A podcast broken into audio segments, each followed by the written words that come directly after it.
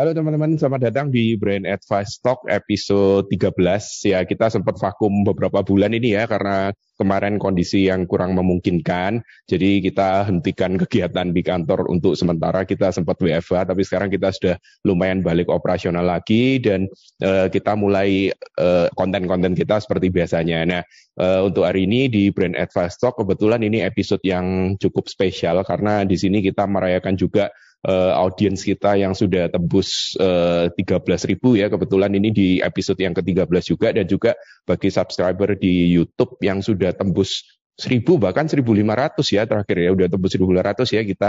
Uh, jadi terima kasih bagi teman-teman yang sudah subscribe dan mengikuti konten-konten kami. Semoga konten-konten kami bisa bermanfaat bagi teman-teman. Nah, untuk episode kali ini kita kedatangan CEO dari PT Surabaya Indah Permai. Nah, kita kedatangan Bu Tri Jayanti Darmaji ya, atau saya panggil Bu Tri atau panggilannya juga Bu Hau Hau ya ini ya.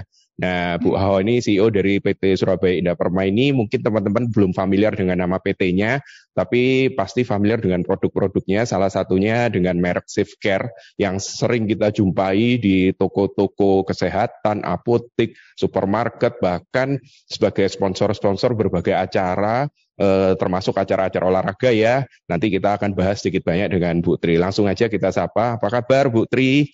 Baik, selamat pagi.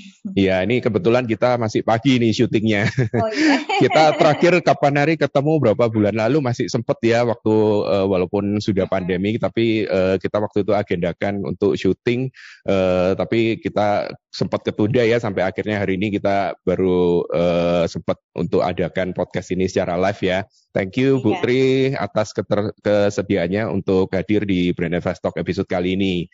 Nah, mungkin tanpa panjang-panjang, langsung aja ya kita kenalan ya. Uh, mungkin bisa dijelasin sedikit Bu Tri. Bu Tri ini uh, siapa sih? Nah, latar belakang uh, pendidikannya dan juga professional experience-nya dari Bu Tri ini apa sebelum kita nanti bahas kiat-kiat bisnis dari Bu Tri. Oke, okay. so thank you pertama udah undang ya ke acara podcastnya. Um, semoga nanti apa yang kita bahas juga berguna untuk audiensnya. Uh, perkenalkan, ya nama saya memang Trijayanti. Saya dari PT Surabaya Dah Perma ini memang uh, sebagai masih family business banget. Jadi um, orang tua masih masih main founder gitu kan. Terus saya memang uh, kuliah dan sekolah di uh, Vancouver di Kanada, lulusan Bachelor of Commerce. Terus setelah itu saya kembali ke Indonesia 2000 um, 9 itu memang langsung um, terjun ke ke pabrik ini gitu which is hmm. yang sebelumnya waktu saya kuliah uh, belum kebayang benar-benar nggak kebayang disuruh pulang itu mau suruh ngapain gitu kan yang penting uh, waktu udah kayak last semester atau gimana itu udah yang suruh cepetan pulang gitu lah buruan selesai atau gimana gitu which is padahal di sana masih enjoy banget masih bisa sambil sambil kuliah sambil working part time lah cari pengalaman dan lain-lain tapi ya, ya karena disuruh pulang akhirnya uh, kita per, ya kita serahkan aja ke atas ya kan pulang terjun ternyata langsung dicemplungin di PT Surabaya Perma ini gitu oh. which is oh. memang pabriknya Safe Care hmm. tapi awal-awal waktu zaman saya pertama masuk ya memang hmm, sikonnya beda sekali dengan yang saat ini gitulah. Waktu itu hmm. masih benar hmm, merambat banget, masih awal-awalnya juga Safecare ini masuk di pasaran, jadi ya banyak yang dikerjain lah. Jadi ya basically kalau kalau uh, pengalaman banyak yang se sebelum masuk di PT Safe ya pengalaman kerjanya sebenarnya macam-macam gitu. Tapi kalau yang benar-benar to do with distribution, production, ya itu benar-benar kayak learning by doing juga sambil nyemplung. Oh, Oke, okay. dulu waktu masuk di PT Surabaya Perma atau kita sebutnya PT SIP gitu ya singkatannya ya, memang SIP soalnya gitu ya. Jadi uh, di PT SIP tuh masuk apa langsung diangkat sebagai CEO atau dulu gimana? Oh, enggak, enggak. Pertama um, masuk itu benar-benar kayak shadowing aja gitu, kayak cuma ngikutin ngikutin um, waktu itu Pak Hanafi sebagai ayah sendiri itu dia juga waktu itu sebenarnya bukan yang full time di dalam situ tapi ya sebagai owner dan main direktur utamanya ya saya hmm. shadowing hmm. dulu gitu. Pertama saya shadowing untuk tahu kayak oke okay, uh, udah sampai mana sih ini perkembangan safe care gitu, distributionnya udah sampai mana gitu. Jadi waktu pertama hmm. kali saya masuk um, jujur waktu itu yang pertama kali harus diperbaikin adalah distribusinya karena waktu itu cukup uh, demand-nya waktu itu growing cukup bagus ya dan kita keep up dengan pemerataan produk gitu kan. Tapi intinya waktu itu pertama yang saya handle adalah um, divisi distribusi. Jadi nggak langsung hmm. jadi direktur atau jadi CEO nggak gitu. Karena saya pertama juga pengen istilahnya belajar gitu kan. Saya juga merasa kayak oke okay, this is something new gitu. Jadi ya nggak bisa tiba-tiba saya handle all gitu kan. Jadi yang saya pertama kali pelajarin itu um, situasi di distribusinya. Distribusi, oke. Okay. Hmm. Dan nah. itu benar-benar yang harus kayak terjun ke lapangan banget kan kalau urusan mm -hmm. Jadi ya eh, ini sih kayak lumayan bersyukur kayak waktu nyemplung di lapangan gitu banyak ketemu orang-orang yang benar-benar hmm, kayak sincere tulus gitu untuk mm -hmm. untuk kasih masukan untuk uh, ngajarin atau kasih wawasan gitulah lebih luas supaya kita tahu kayak oh kalau challenge-nya ini gimana handle-nya ya karena kan nggak semua itu kayak teori yang bisa di-apply kayak hmm, betul. case gitu kan. Jadi kita benar-benar harus tahu sikonnya seperti apa. Apalagi kita di kayak culture yang is gitu kan maksudnya uh, relationship itu juga faktor penting gitu loh. Iya, jadi nggak nggak 100% profesional gitu ya. Kita hmm. gimana-gimana harus masih mementingkan uh, faktor uh, pendekatan Hubungan, secara personalnya iya. juga ya. Oke. Okay. Iya, iya. Jadi ya maksudnya banyak yang saya benar-benar pelajarin sih waktu itu. Nggak hanya hmm. kita mementingkan kayak profit-profit aja, tapi gimana ini kita juga mikirkan long term business atau long kita term, mikirkan yeah. long term relationship kayak gitu-gitulah. Jadi ya uh, banyak hal sih. Terus dari distribusi um, masuklah kadang-kadang ke area production karena misalnya hmm. kalau waktu itu demandnya udah mulai growing kan kita harus keep up with the demand kapasitas hmm. apa dan lain-lain masuk iya, iya. sedikit-sedikit yeah, belajar ke produksinya. Nah, jadi benar-benar dari segala aspek ya, dari distribusi juga, lalu jadi produksi juga, jadi dari up to uh, down semuanya harus belajar dulu gitu ya Bu ya. Iya, ya kebetulan waktu itu juga karena ada challenge-challenge tertentu yang yang came up jadi kayak mau nggak mau kita harus menghadapi dan waktu kita menghadapi di sanalah kita kayak benar-benar belajar hmm. gitu kita cari tahu oke okay, kalau problem atau challenge-nya seperti ini, solusinya apa? Kalau misalnya kita butuh pengembangan ini, itu apa segala macam, itu kita harus cari ke mana. Jadi itu ya lumayan uh, apa ya, benar-benar learning by doing lah gitu. Jadi hmm. kayak apa yang di depan kita ya kadang masalah, tapi masalah yang kadang-kadang bukan yang sampai negatif banget. Mungkin kadang itu masalah yang positif karena misalnya uh, kapasitas harus menuin demand ya itu kan problem yang is a good problem gitu kan. Hmm. Jadi ya, ya kayak gitulah kita belajar dan waktu Dari itu Dari situ kita uh, jadi paham memang, semua ya. Ya, dan untungnya memang papa saya itu tipe yang cukup memberikan kepercayaan hmm. gitu. Jadi hmm. um, waktu dia tahu, maksudnya saya benar-benar terjun di lapangan untuk mempelajari situasi itu, ya dia cukup kasih kepercayaan lah untuk uh, memberi keputusan gitu. Kalau memang saatnya ada yang harus diputusin. Cuma hmm. selama waktu itu papa saya memang involved atau around ya pasti saya update dia gitu kan. Mungkin setelah beberapa bulan itu saya cukup dilepas nggak nggak terlalu shadowing dia lagi. Jadi saya cuma sekedar update gitu. Oh ini yang okay. uh, what's happening. Jadi karena dia mungkin sering dapat update jadi dia cukup merasa nyaman kali ya untuk memberikan kepercayaan itu. Hmm. Saya nggak tahu mungkin di family business lain situasinya seperti apa, tapi ya kebetulan yang saya iya, jalani yeah, yeah. seperti itu. Jadi karena ada okay. kepercayaan itu kan pasti saya juga yang kayak oke okay, saya harus hati-hati gitu kan, saya nggak kepingin yang kayak hilang hmm. kepercayaan tersebut. Iya, Oke, wah menarik sekali. Nah, tadi ngomong-ngomong family business ya, Bu Tri, hmm. eh, mungkin bisa sharing sedikit. Kalau kita ngomong family business tuh kadang kan eh, bagi beberapa orang tuh beberapa hal yang tabu ya. Tapi bahkan hmm. eh, kalau beberapa bagi beberapa orang lain, contohnya eh, kayak kita kan kebetulan sama-sama di Surabaya masih sangat banyak yang menjalankan family business ya. Mungkin bisa sharing-sharing sedikit bagaimana sih caranya untuk uh, menjaga profesionalitas bahkan memisahkan profesionalitas dan juga hubungan personal dalam family business supaya mungkin uh, meminimalisasi lah kita nggak bilang menghilangkan ya karena uh, namanya kita uh, dalam suatu bisnis pasti mungkin ada pers, uh, gesekan sedikit gitu. Nah, ya. tapi mungkin bisa share-share kiat-kiatnya bagi teman-teman yang juga uh, terlibat terlibat di family business atau baru uh, diminta oleh keluarganya untuk bantu di family businessnya. Hmm. Gimana mungkin bisa sharing-sharing sedikit Putri? Iya, um, jujur waktu saya sempat di UBC waktu kuliah itu uh, salah satu major yang saya ambil kan HR, Human hmm. Resource hmm. Management karena di dalam HR itu ada um, kursus apa ya kelas khusus yang tentang family business management. Nah, family hmm. business management akhirnya saya ambil soalnya saya tahu pulang ke Indonesia ini juga bakalan ke masuk ke family business gitu kan, something yang nggak bisa dihindarin gitulah. Jadi uh, ya saya cuma pengen tahu sih kira-kira apa yang challenge-challenge-nya dan kalau pernah dengar istilah yang itu kan yang kayak kalau generasi dua membangun oh, yeah. generasi ketiga apa. Nah itu kan yang sesuatu yang kayak jangan sampai lah, jangan sampai mm. terjadi gitu kan.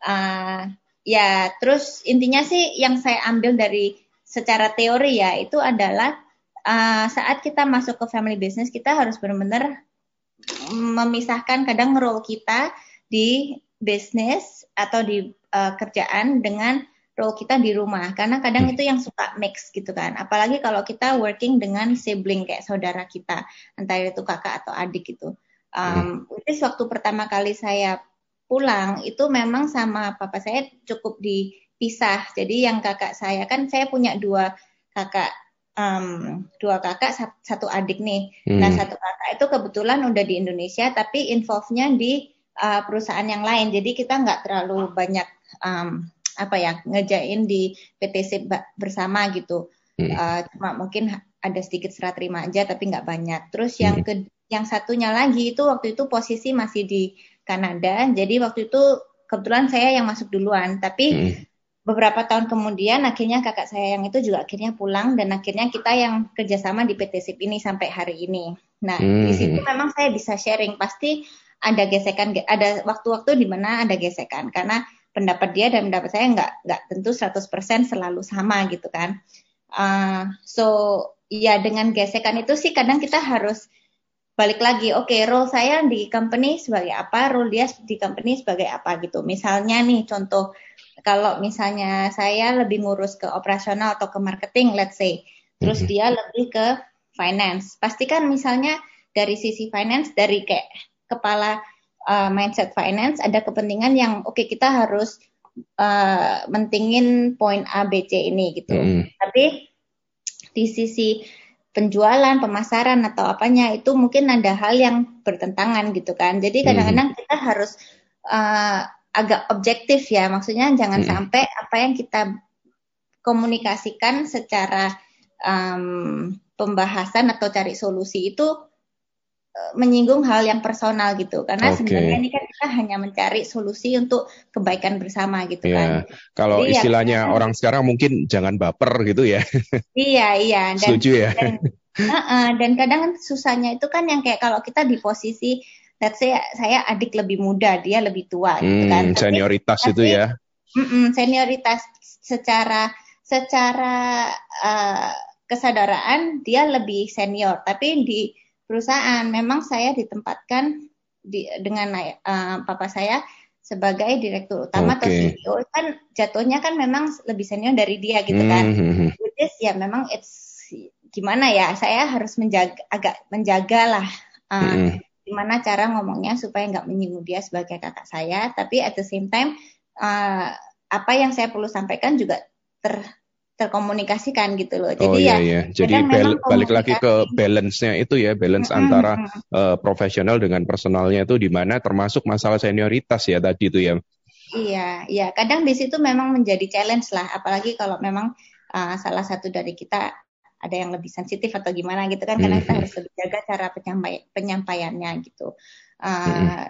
Tapi ya over time kita belajar sih, oke okay, kalau untuk masalah ini uh, wewenang untuk make decisionnya di siapa untuk masalah ini make decisionnya di siapa kita kita ya percaya aja gitu loh karena kita yakin okay. orang uh, saudara kita atau kita sendiri juga mementingkan kebaikan perusahaan nggak hanya kepentingan kita sendiri sebagai personal gitu kan. Oke, balik lagi apalagi kalau kita ngomong saudara ya kita harus mungkin ingat juga ya, mungkin ini sekedar sharing juga uh, kebetulan di kantor kami ini kan uh, walaupun kita bukan family business ya karena sifatnya lebih ke profesional jadi kita ada profesi sendiri-sendiri tapi uh, di bidang di tempat saya sendiri juga mungkin teman-teman di Brand Advice juga sudah tahu karena dulu sudah pernah kita undang juga ke podcast orang tua saya kebetulan juga di bidang hukum, adik saya hmm. juga di bidang hukum. Jadi kadang kita juga ada sedikit perbedaan pendapat, misalkan ada case kita mungkin sharing waktu malam uh, sambil makan gitu, kadang mungkin kita juga ada perbedaan pendapat. Tapi balik lagi ya, saya setuju dengan yang diceritain sama Bu Tri tadi.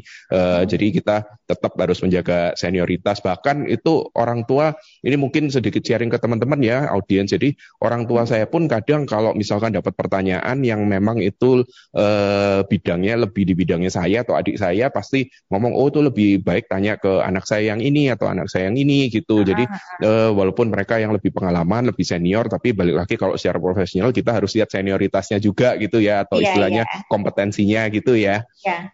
Benar itu kadang yang kita nggak bisa kontrol ya karena kalau itu kita ngomong orang tua kita apalagi itu kan uh, kesadaran mereka sendiri juga kan gimana hmm. mereka memperlakukan kita atau memberi kepercayaan atau apa itu. Soalnya dulu saya memang pernah um, gimana ya case umum di family business itu yaitu kalau mungkin uh, succession dari founder atau orang tua hmm. ke anak, kadang itu yang jadi bisa jadi masalah juga karena kadang yang yang orang tua ini yang merasa dia lebih tahu, dia lebih pengalaman dan memang mungkin memang benar dia lebih tahu dia lebih pengalaman hmm. tapi sometimes kan kita nggak tahu perubahan di lapangan atau perubahan di uh, customer behavior atau tren atau okay. apa itu kan yang yang kadang mereka juga harus sadari gitu loh jadi memang hmm. kadang itu butuh kesadaran orang tua juga sih ya untuk gimana mereka yang merasa kayak oh ya bidang ini memang mungkin anak saya lebih tahu atau bidang ini mungkin hmm.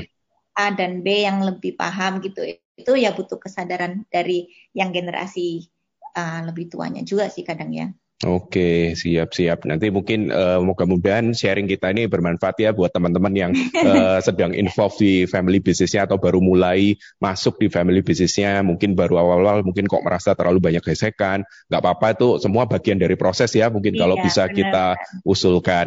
Oke, nah ini mungkin kita tadi sudah bahas background dari segi uh, personalnya dan juga dari segi company-nya ya. Sekarang kita mau bahas produknya ini karena ini produknya ini yang uh, saya rasa sangat menarik menarik juga.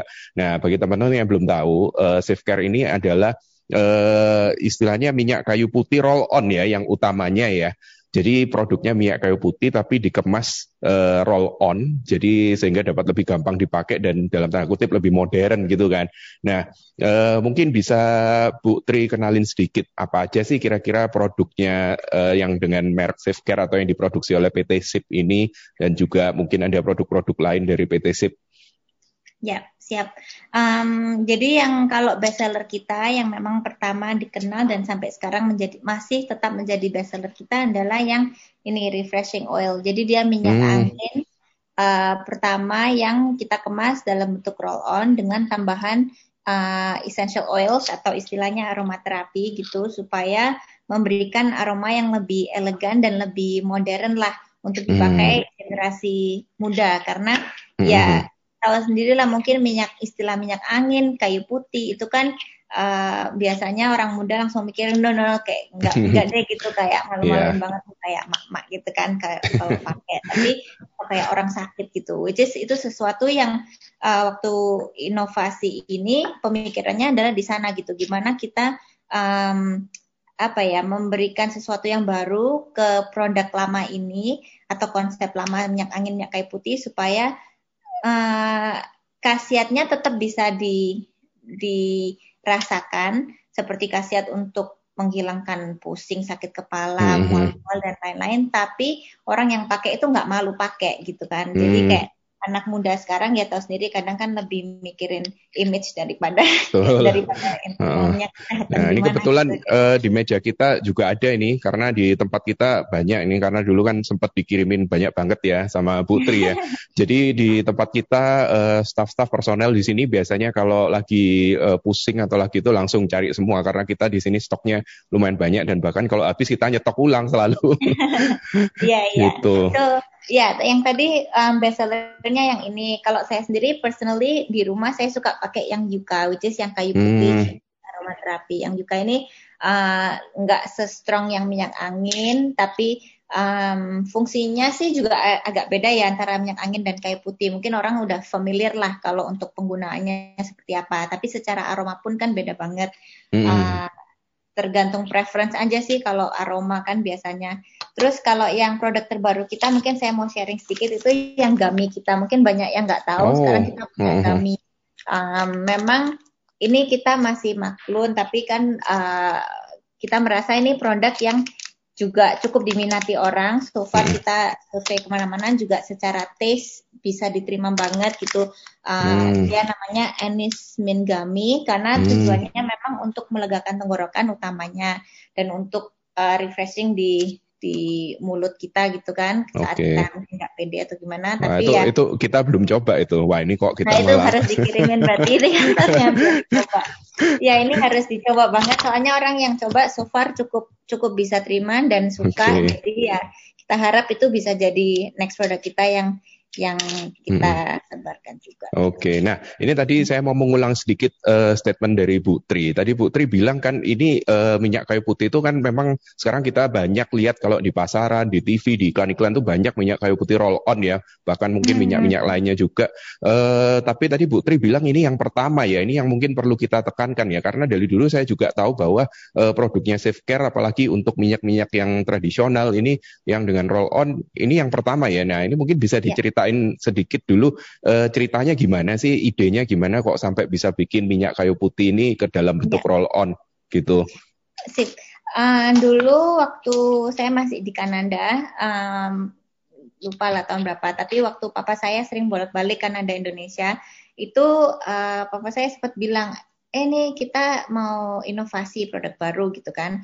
Terus waktu itu uh, mungkin balik lagi sebelum inovasi itu kita sempat jalan-jalan di mall ada satu shop itu jualan uh, essential oils karena hmm. di sana kan mungkin udah mulai waktu itu trennya balik lagi back to nature lah pakai hmm. produk-produk natural lah gitu jadi um, papa saya kan memang ada interest ke sana jadi kadang-kadang ya kita saat visit-visit shop-shop seperti itu ya kita mempelajari gitu oh ini aromanya enak ya ini apa apa segala macam karena backgroundnya background papa saya kan memang di bidang itu gitu kan hmm. terus um, ada satu toko itu yang kebetulan uh, yang kerja di sana nawarin ke kita oh ini kita ada workshop kalau tertarik um, bisa bisa ikut join aja workshopnya itu basic of basically basicnya aromaterapi lah dia ngajarin konsep aromaterapi itu apa, penggunaannya seperti apa dan lain-lain. Which is ya itu kan sesuatu yang baru buat kita. Tapi hmm. karena interestnya um, dan papa saya nggak bisa nggak terlalu bisa Inggris kan, jadi akhirnya hmm. saya yang ikutin workshopnya gitu. Which is ya I don't mind gitu karena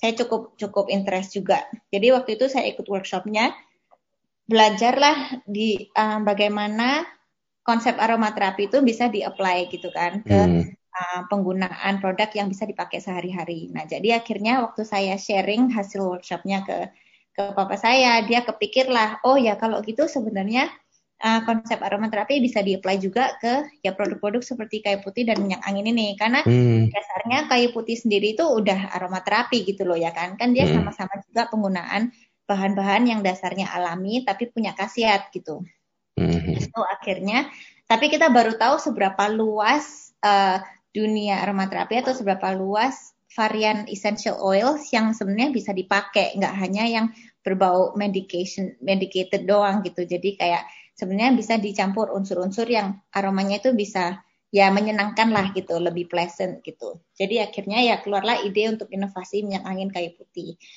Um, terus kalau secara packaging ya memang karena kita waktu itu di luar sambil lihat-lihat produk-produk di luar ada ada mungkin kita terinspirasi oleh produk yang berbotol roll on seperti ini. Akhirnya kita pikir oh ya ya why not kita juga coba pakai botol roll on aja yang belum pernah gitu ya kan.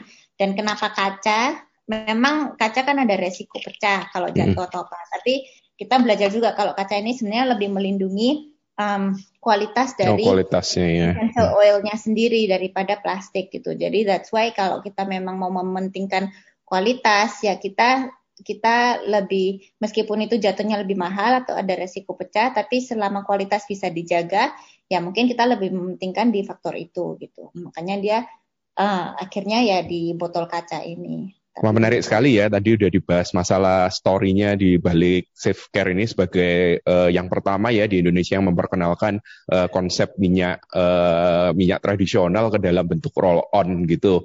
Nah uh, sekarang mungkin kita bahas masalah brandingnya dan marketingnya ya Bu Tri ya. Tadi kan kita sudah bahas masalah creationnya, masalah produksinya. Nah sekarang gimana sih caranya mengedukasi market ini? Mungkin bisa bagi tips-tipsnya atau story-nya dulu, experience-nya gimana waktu baru memperkenalkan produk Safe Care ini? Jadi um, ya balik lagi kayak tadi yang saya bilang kan saya di dalam PT SIP ini benar-benar learning by doing gitu kan. Jadi hmm. ya ada kadang-kadang uh, di mana saya lagi fokus di internal untuk pengembangan secara apa ya memenuhi kapasitas atau membenahi distribusi itu sambil jalan terus kita merasa mulailah muncul kompetitor gitu kan. Hmm. Nah, waktu mulai muncul kompetitor itu ya kita merasa waduh ini kita belum melakukan marketing activity sama sekali saat itu karena fokus hmm. kita waktu itu masih pembenahan wilayah lah, pembenahan distribusi, pembenahan internal kapasitas produksi. Um, jadi ya itu dia mulai muncul kompetitor baru kita yang kayak oh no hmm. kita harus ngapain nih gitu marketingnya dan waktu itu jadi lebih ke arah uh, reak, reaktif gitu ya iya iya jujur jujur reaktif karena sebenarnya kalau memang kita plan dari awal mungkin kita um, bisa ada head start gitu kan untuk mm -hmm. lebih tapi ya untungnya sih karena produknya diterima oleh pasaran cukup bagus jadi lumayan jalan waktu itu word of mouth-nya yang lebih membantu hmm. kita untuk grow. Tapi saat kompetitor mulai muncul kan kita nggak bisa ngandalin itu terus kan. Kita nggak hmm. bisa ngandalin kayak oh orang yang word of mouth gitu masalah kita karena saat mulai ada muncul kompetitor yang juga agresif untuk memperkenalkan produk mereka ya akhirnya we have to do something gitu kan. Hmm. Nah, so waktu itu saya juga belum ada pengalaman nih, oh bisa ngapain ya gitu, what can we do. Jadi akhirnya waktu itu uh, kita minta advice ke beberapa agensi yang yang sempat di refer ke kita gitu. Nah kita sambil ngobrol-ngobrol terus kita belajar kita coba compare juga akhirnya sempatlah kita nyoba pakai beberapa agensi jadi kayak third party gitu kan hmm. kita coba um, explore oke okay, kalau agensi ini menawarkan harus uh, harus TVC harus pokoknya iklan di TV itu yang paling mengena bla bla bla gitu kan hmm. ada juga yang lebih menyarankan udah digital dulu aja. Uh, Instagramnya dikembangin Facebook apa segala macam. Ada juga yang oke okay, lebih ke event aja. Jadi supaya hmm. SPG ada yang nawar-nawarin gitu kan. Jadi hmm. banyak masukan gitu. Nah saat itu kan ya jujur kita masih growing company gitu. Jadi kita jujur pasti um, dengan budget yang terbatas kita harus milih nih kita mau yang ke mana gitu kan. Di satu sisi ada budget terbatas satu sisi kita ada kebutuhan untuk segera melakukan marketing activity supaya brand kita juga nggak ketinggalan atau nggak langsung terlupakan karena ada kompetitor yang lebih agresif gitu kan. Mm-hmm. Jadi untuk cari balance itu itulah yang yang jadi kayak salah satu challenge saat itu. Tapi ya gimana caranya akhirnya kita kita belajar, kita spend uang sekolah, kita belajar, kita bayar agency yang kita explore. Oke, okay, uh, digital kita juga kembangin, um, TVC juga akhirnya kita eksplor. Dari sana kan kita baru tahu ya, setelah kita lakukan kita baru tahu impactnya seperti apa. Hmm. Uh, dan dan seefektif apa sih masing-masing itu yang kita yang kita coba kerjakan. Nah, ya sampai sekarang jujur semua masih masih learning juga gitu. Semua masih -hmm. kita hmm. coba explore, semua masih coba kita pertimbangkan apa yang paling efektif. Tapi ya tentu um, karena sifat produk kita ini sesuatu yang orang nyoba mungkin mereka baru yakin gitu kan atas mm-hmm. produk kita.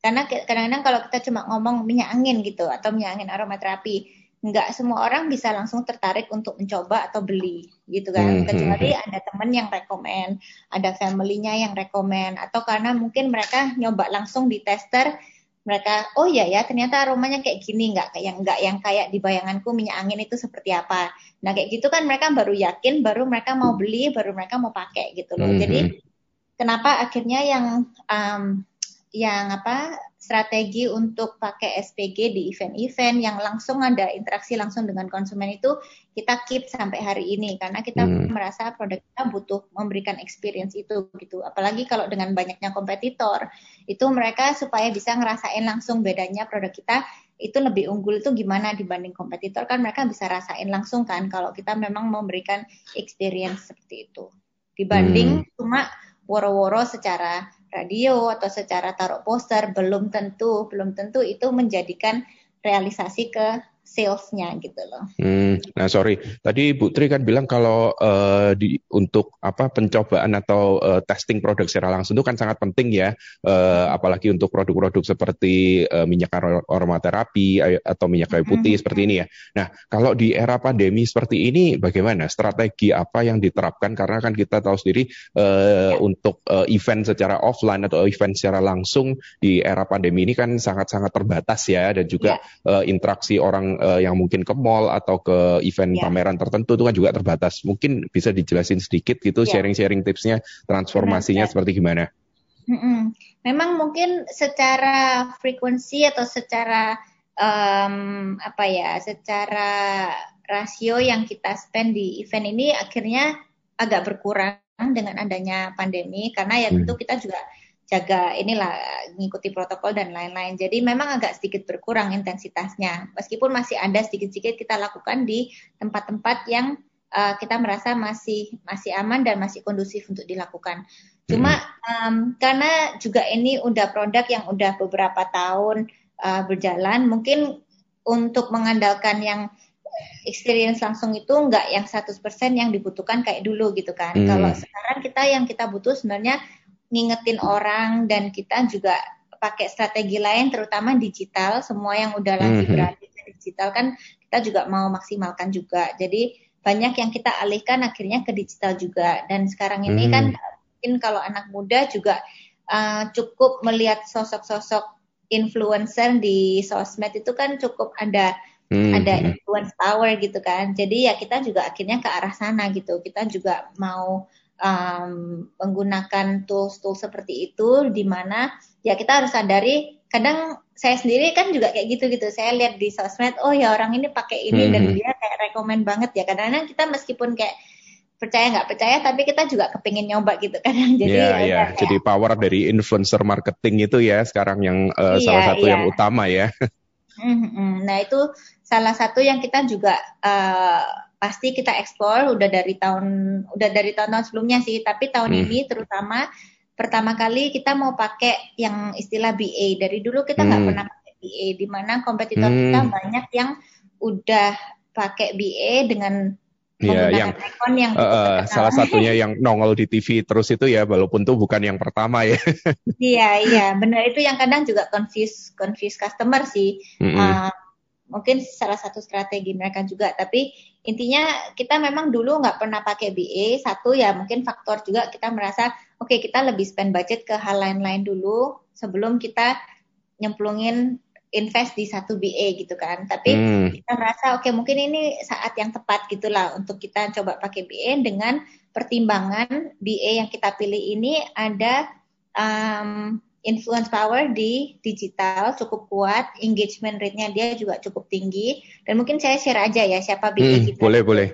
Um, BA yang kita baru aja mulai kerjasama itu dengan Denny Sumargo. Mungkin tahu nggak ya? Hmm, tahu tahu ya. Ya, jadi dia pebasket gitu kan. Oh. Uh, Iya. Kalau dulu mungkin uh, kita sering lihat brandnya Safecare ini kan juga sangat erat kaitannya dengan basket ya, karena uh, dulu hmm. uh, salah satu nggak tahu sampai sekarang mungkin ya uh, sponsor di DBL juga ya untuk produknya uh, Safecare. Enggak sih, udah cukup lama. Jadi pertama itu kita sponsor di DBL, NBL apa itu memang uh, karena relation juga kita saya mm -hmm. waktu itu bangun hubungan dengan dengan apa grupnya DB, PT DBL itu kan hmm. cukup bagus dan mereka menawarkan itu kan ya kita pikir oh ya exposure-nya mereka juga cukup oke okay. event-event mereka juga uh, penontonnya juga luar biasa gitu kan jadi hmm. ya kita coba ekspor juga kalau kita kembangin brand awareness di komunitas basket gimana ya dan akhirnya saya rasa cukup cukup berhasil sih karena ya orang-orang di komunitas basket akhirnya juga cukup mengenal safe care gitu kan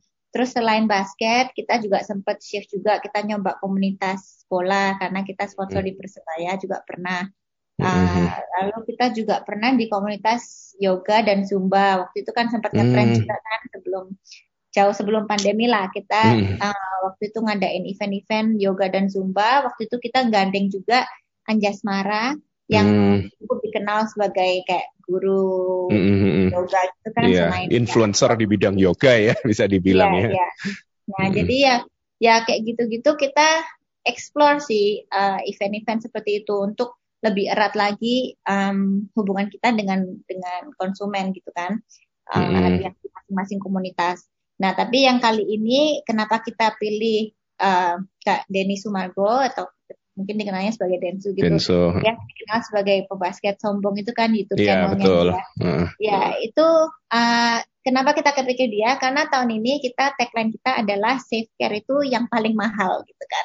Jadi okay. memang kesannya kok sombong banget gitu yang paling mahal, tapi uh, kita cuma ingin nekanin bahwa oke okay, meskipun kompetitor kita banyak dan harga mereka di bawah kita, tapi kita merasa harga kita mahal karena kita ada kualitas dan hmm. dan kita pede gitu dengan apa yang kita jual atau yang kita tawarkan gitu kan. Hmm, Oke. Okay. Nah, jadi jadi kita, mahal tapi reasonable ya. Iya, kita cuma pengen ya memang agak jeleneh kali ya, kok kok malah klaim yang paling mahal gitu. Tapi justru ya mungkin itu yang akan menarik perhatian orang gitu kan. Oke, okay, menarik dan nih. Uh, dengan sosok sosok sombong yang udah digencarin oleh uh, si Densu, hmm. kok kita merasa cukup cocok dan engagement rate dia kan terakhir-terakhir ini juga cukup bagus kan antara di IG ataupun hmm. di YouTube.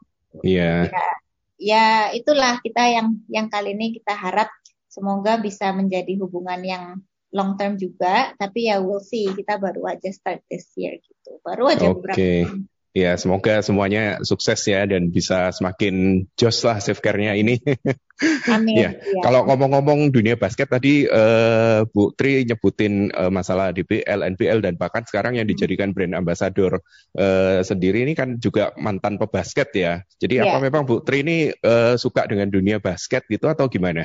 Iya, kebetulan memang saya suka olahraganya. Saya suka olahraga basketnya. Terus mm -hmm. uh, waktu waktu kita kenal sama orang-orang DBL pun karena saya diundang nonton game gitu kan, nonton pertama mm. pertandingan NBL di Indonesia, which is yang pertama kali saya kayak baru pulang dari Indo kan yang kayak mm. oh iya ya ternyata di sini ada liga Indo ada liga basketnya ya gitu. Terus waktu diajak teman dikenalin sama Kusani lah Pak Mas Asrul lah itu ya hmm. akhirnya cukup inilah cukup dekat dan dan ada jalannya ke situ. Wah, ini jangan-jangan ketemu calon suaminya waktu itu juga dari iya. acara-acara ini ya.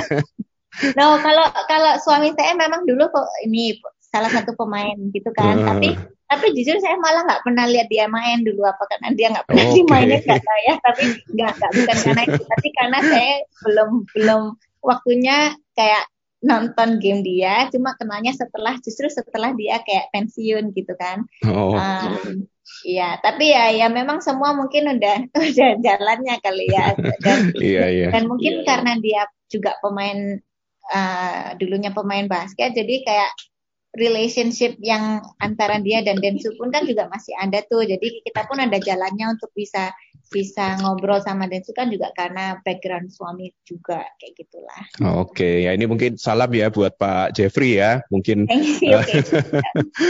Iya. Oh itu mungkin saran juga tuh buat orang-orang kalau hubungan tuh juga penting gitu kayak you never know gitu kan your friend okay. atau husband atau siapa pun kayak yang kita kenal mungkin bisa kasih jalan juga untuk kadang-kadang ya hal-hal yang kita butuhkan kayak marketing kayak gitu. Oke, ini kita selain dapat tips bisnis, dapat tips uh, romance, tips personal juga ya. iya, wah menarik banget ya. Jadi tadi kita sudah belajar dari Bu Tri terkait uh, branding dan marketingnya, bahkan sellingnya ya. Jadi kita nggak bisa kayak istilahnya langsung uh, langsung istilahnya fanatik ya mungkin ya. Kita kadang soalnya kalau saya lihat bisnis-bisnis anak muda sekarang fanatik, kita maunya cuma digital marketing, kita nggak mau ini, nggak mau itu. Tapi semua itu bisa kita bilang dari pengalaman juga dari sharing-sharing dengan klien dengan teman-teman bahwa kita itu harus learning by doing juga. Kita harus tes masing-masing channel yang ada. Kita tentukan mana yang paling bagus dan kita harus adaptasi ya. Contohnya misalkan sekarang bagusnya di sini, tapi uh, sehubungan dengan situasi dan kondisi, kalau kita harus shift, harus pivot, kita harus pakai yang lain. Setuju ya, Putri ya dengan ya, pendapat ya. saya ya? Mungkin, ya? Iya, itu itu sih based on experience ya, based on hmm. pengalaman saya sih itu yang kita lakukan untuk untuk nge-review juga sebenarnya ini efektif nggak itu efektif nggak tapi ada juga yang saya juga terakhir-terakhir sempat ngobrol sama salah satu uh, mungkin bekas dosen ya dia hmm. sih bilang maksudnya nggak ada salahnya juga melakukan market analisa gitu maksudnya semacam hmm. survei memang kadang kalau kita bayar survei kan mahal tapi ada juga uh, mungkin tips-tips uh, dari orang yang di bidang market analisa, market analis itu uh, seperti apa sih kalau kita memang mau menganalisa market supaya kita bisa menyimpulkan lebih mengerucut lah, maksudnya lebih mm -hmm. mengerucut supaya kita nggak hanya kayak explore yang random gitu kan, nggak secara random tapi benar-benar ada dasarnya. Kenapa kita mau coba di sini, kenapa kita mau coba awareness di sini atau di sana itu ada dasarnya. Itu juga yang kayaknya boleh di boleh di apply hmm. juga sih. Iya, iya, ya. jadi uh, semua by data ya, nggak cuma katanya hmm. atau saya rasa gini ya, tapi iya, ada iya. dasarnya yang objektif, nggak cuma dari benar, subjektif benar. aja ya. Oke, -hmm. menarik sekali. Oke, mungkin tadi kita sudah bahas masalah bisnisnya, kita sudah bahas masalah produknya. Nah, sekarang kita mau minta tips-tips dan saran dari Bu Tri nih buat audiens-audiens di sini. Uh, mungkin karena audiens di sini ini kan kebanyakan anak-anak yang baru lulus kuliah juga, bahkan beberapa yang masih kuliah. Nah, lalu uh, banyak juga yang baru startup atau baru memulai bisnisnya dalam bidang UMKM, dan ada yang baru mungkin keluar dari pekerjaan kantoran lalu memulai usaha sendiri. Nah, mungkin bisa dibagi tips-tips sedikit dong buat yang baru mulai bisnis atau mau memulai bisnis gimana nih Putri? Waduh, iya banyak sih kayak yang bisa disuruh apa ya. Mungkin kalau um, pertama sih ya menurut saya bi apa ya berani untuk melangkah gitu. Kadang-kadang kan kita okay. kalau kalau kita udah takut duluan kita malah nggak do anything malah kita nggak bisa move forward kayak nggak bisa hmm. maju ke depan gitu kan jadi menurut saya sih kayak ya berdasarkan pengalaman juga sih ya, yang tadinya saya mm-hmm. juga cukup nggak tahu apa-apa, saya juga bukan expert di bidang produksi atau saya juga tadinya bukan di expert di bidang distribusi, itu malah saya langsung nyemplung, saya learning by doing, ternyata ya cukup bisa survive cukup lah. Bisa, saya nggak ya. saya nggak ngomong uh, semua yang saya lakukan adalah yang faktor yang bikin ini sukses atau gimana, tapi kita do our best gitu kan, kita mm-hmm. sambil belajar juga apa yang bisa kita lakukan gitu dan dan jangan takut untuk tanya gitu. Maksudnya banyak hmm. orang-orang hmm. sekitar kita yang expert di bidangnya masing-masing atau punya pengalaman itu ya mungkin ada yang ada yang pelit ilmu mungkin ada orang itu. Tapi sebenarnya di perjalanan saya ini banyak sekali yang nggak pelit ilmu sama sekali. Jadi justru saya belajar banyak dari orang-orang seperti itu gitu. Jadi mereka willing to share gitu yang kayak oh ya pertimbangkan ini atau ini. Jadi maksudnya -hmm. jangan takut tanya dan jangan merasa kayak uh, ya mungkin egonya boleh dipinggirin dulu lah. Kita okay. merasa kita nggak tahu ya nggak tahu gitu kan. Kalau kita butuh tanya ya kita tanya gitu. Karena uh, di sanalah kita baru bisa belajar tapi kalau kita hmm. udah merasa kita sok tahu kita udah tahu segalanya ya malah apa yang bisa kita dapat gitu kan kalau kita udah merasa hmm. we know everything gitu loh jadi ya okay. kalau kalau dari saya sih mungkin tips terbesarnya itu sih ya karena yeah. saya cukup belajar banyak dari dari ja, sambil jalannya itu ya karena jujur saya nggak takut tanya sih kayak orang-orang mm -hmm. sekitar gitu mungkin teman saya atau uh, mungkin teman papa saya atau siapa mm -hmm. itu yang yang willing untuk diajak ngobrol ya mumpung diajak ngobrol yang sekalian aja gitu apa yang bisa kita belajar dari orang-orang yang pengalaman-pengalaman itu gitu kan okay. dan mungkin sekarang banyak podcast-podcast seperti ini oh, yang cukup yeah. berguna juga uh. yang orang-orang um, sharing tips atau sharing ilmu mereka hmm. itu juga saya yakin pasti uh, bisa jadi ada manfaatnya juga kalau memang kita mencari sesuatu untuk jadi solusi gitu. Oke, jadi kalau bisa saya simpulkan yang pertama kita harus segera start ya, harus mau melangkah. Lalu yang nomor dua kita harus tahu kapan waktunya bertanya ya. Jadi kita nggak boleh gengsi, nggak boleh egois, nggak boleh merasa kita ini sudah ngerti semuanya. Dan mungkin yang nomor tiga, kita nggak boleh berhenti belajar ya dari berbagai sumber mana pun. Mm-hmm. contohnya kita belajar hari ini dari Bu Tri, kita belajar banyak banget ya dari yang sudah di-share oleh Bu Tri hari ini. Nah, mungkin uh, sedikit saya tanya, kalau misalkan uh, tadi kan uh, Bu Tri juga sharing kalau dulu setelah selesai studi langsung pulang masuk ke company keluarga. Nah, belakangan ini kan juga yang banyak jadi pertanyaan, uh, kita ini harus mentingin passion atau uh, kayak idealis kita atau apa yang realistis. Kalau menurut Bu Tri gimana sarannya buat teman-teman yang masih mungkin bingung kita ini mau uh, kerja di bidang ini tapi kok apa namanya uh, saya kurang suka. Nah, mana dulu yang harus dipentingin passion dulu atau uh, atau cuan dulu gitu? um, waduh itu mungkin semua case bisa dihadapin beda-beda kali ya. Cuma hmm. memang kadang apa yang kita lakukan kalau nggak ada passion sih ya kadang agak jadi kayak aras-arasan gitu kan istilahnya aja. Hmm. Maksudnya jadi kurang maksimal gitu loh kalau memang kita nggak ada passionnya. Tapi ya kadang-kadang kalau itu memang tuntutan, ya mau ngomong gimana lagi. Misalnya nih kalau kita ngomong di family business yang menjadi akhirnya tuntutan dari orang tua atau seperti apa, ya itu mungkin beda case lagi gitu kan. Tapi kalau memang kita ada pilihan di mana kita bisa melakukan sesuatu yang yang di backup dengan passion ya pasti itu lebih ideal gitulah. Cuma kadang-kadang kan nggak semua hal itu ya apa yang kita idealkan Tuh. gitu kan. Dan mm-hmm. dan jujur um, kayak kalau kita ngomong personal sama sama work life balance lah misalnya. Hmm. itu saya sendiri juga cukup struggle sih. Maksudnya bukan struggle hmm. tapi ada challenge-nya sendiri. Saya sebagai hmm. yang sekarang ini um, masih menjabat sebagai CEO tapi saya juga udah menjadi istri dan mm ibu gitu kan. Itu kan dan bahkan kebetulan saat ini sedang sedang pregnant ya. Iya expecting dan ya. pregnant dalam masa pandemi juga sesuatu yang harus di di pertimbangkan gitu untuk safety saya dan anak saya gitu kan. Mm-hmm. Tapi ya gimana kita cara menjaga atau uh, menghadapi challenge ini gitu. Itu yang mm. yang saya sendiri sampai maksudnya sampai saat ini pun masih menjadi challenge gitu atau struggle. Maksudnya mm. uh, saya merasa oh kalau memang udah waktunya uh, nggak bisa terlalu maksimal di kerjaan ya mungkin itu sesuatu yang harus dibahas atau kalau misalnya saya masih bisa keep up atau uh, ada sistem pengontrolan secara mungkin ngatur dari merubah sistem leadership saya atau seperti apa itu yang mungkin hmm. hal-hal hmm. yang kita adjust gitu kan jadi okay. semua perubahan dalam hidup kita kan ya maksudnya harus ada hal-hal yang kita adaptasikan atau kita rubah atau tweak supaya ya yang nggak ada satu faktor yang benar-benar diterlantarkan gitu saya juga nggak okay. kepingin kalau saya misalnya saya fokus dalam kerjaan tapi akhirnya saya nggak ada waktu untuk anak saya misalnya atau misalnya hmm. kayak saya fokus kerjaan saya tetap maksa ke pabrik tapi itu kayak resiko untuk untuk um, baby atau gimana ya maksudnya itu hal-hal yang memang harus di, dipertimbangkan sih hmm. uh, Iya, gimana ya? Pertanyaan itu agak cukup luas soalnya kasus hmm. orang mungkin beda-beda. ya, tapi saya jadi, ngomong dari perspektif saya seperti itu. Hmm, apalagi mungkin di kondisi saat ini ya, apalagi dengan eh, konten-konten yang ada di sosmed, di YouTube itu hmm. banyak sekali sekarang yang bahas masalah uh, hustle culture istilahnya kan gitu ya. Jadi dipaksa hmm. anak muda itu harus uh, bekerja semaksimal mungkin, harus uh, menghasilkan uh, apa namanya keuntungan uh, sebanyak mungkin di waktu mudanya, harus uh, bisa apa financial independent yeah for I don't know 25 30 biasanya kan yeah, gitu ya. Yeah. Nah, mungkin ini masukan yang menarik juga. Jadi uh, kita nggak boleh melupakan aspek hidup kita sebagai uh, mungkin di kehidupan masing-masing ya sebagai anak, sebagai mungkin kalau yeah. kayak Bu Tri ini sebagai seorang istri dan ibu rumah tangga juga mungkin gitu ya karena sebagai uh, kita sebagai anggota dari keluarga, anggota dari masyarakat tuh ada hal-hal lain nggak cuma masalah kerja gitu ya mungkin ya Bu Tri ya. Iya. Mm -hmm. Iya sih.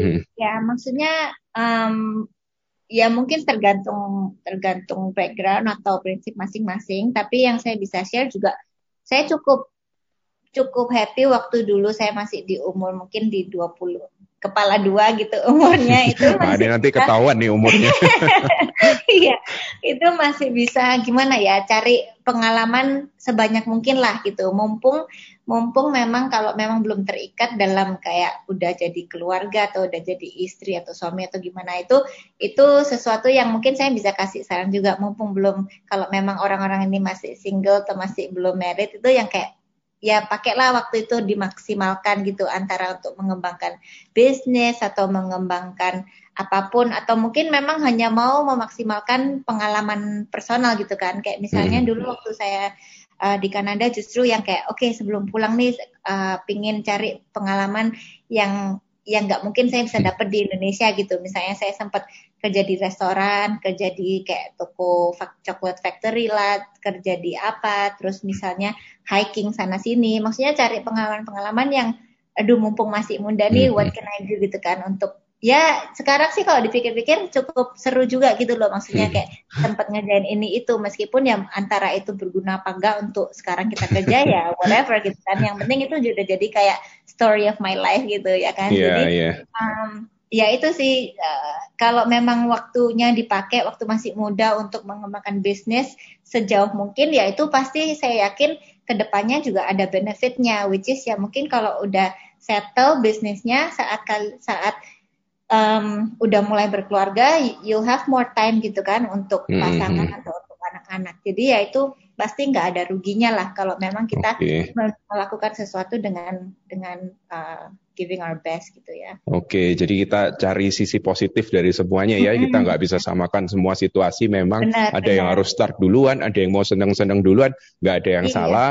Uh, as long kita cari sisi positifnya dari semua itu gitu ya mungkin ya Putri yeah. ya. Oke, okay. iya wah menarik. Kita hari ini belajar banyak banget dari Bu Tri. Kita belajar masalah family business, kita belajar masalah branding, kita belajar masalah uh, masalah work life balance juga, masalah personal, personal life.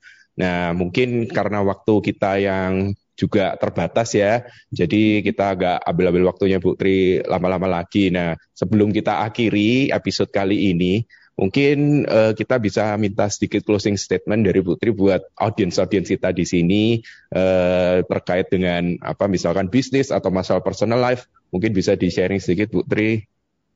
Oke siap. Um, ya mungkin pertama thank you lagi udah undang saya di podcast ini untuk bisa sama-sama kita senang bisa kehadiran Putri ngobrol-ngobrolnya. Um, thank you. Terus kedua ya mungkin untuk untuk closing sih ya maksudnya saya cuma uh, share aja gitu. Maksudnya kayak whatever it is kayak nggak usah terlalu worry gitu. Semua pasti ada jalan keluarnya gitu kan. Kayak kalau kita nggak ada nggak tahu sesuatu ya pokoknya be open minded aja untuk cari cari solusinya gitu. Jadi maksudnya kayak nggak usah stres lah. Karena ya kalau di dunia sekarang maksudnya kalau kita stres kan juga ada hubungannya dengan hmm. kesehatan. Jadi ya semoga semua juga jaga kesehatan stay safe. Hmm. uh, semoga pandemi segera berakhir supaya kita juga bisa lebih explore lagi uh, kegiatan-kegiatan kita lebih bisa ini lagi ya balik Iya, mungkin saya tambahin terus kalau lagi stres, lagi pusing bisa pakai minyak dari Safecare ya. Benar, benar. Jangan lupa Safecare mereknya yang pertama dan terbaik. Siap. Oke, okay. thank you atas waktunya Bu Tri. Nanti kapan-kapan kita ngobrol-ngobrol lagi ya. Siap, siap. Thank Salam you. juga buat keluarga ya. Thank you Bu Tri.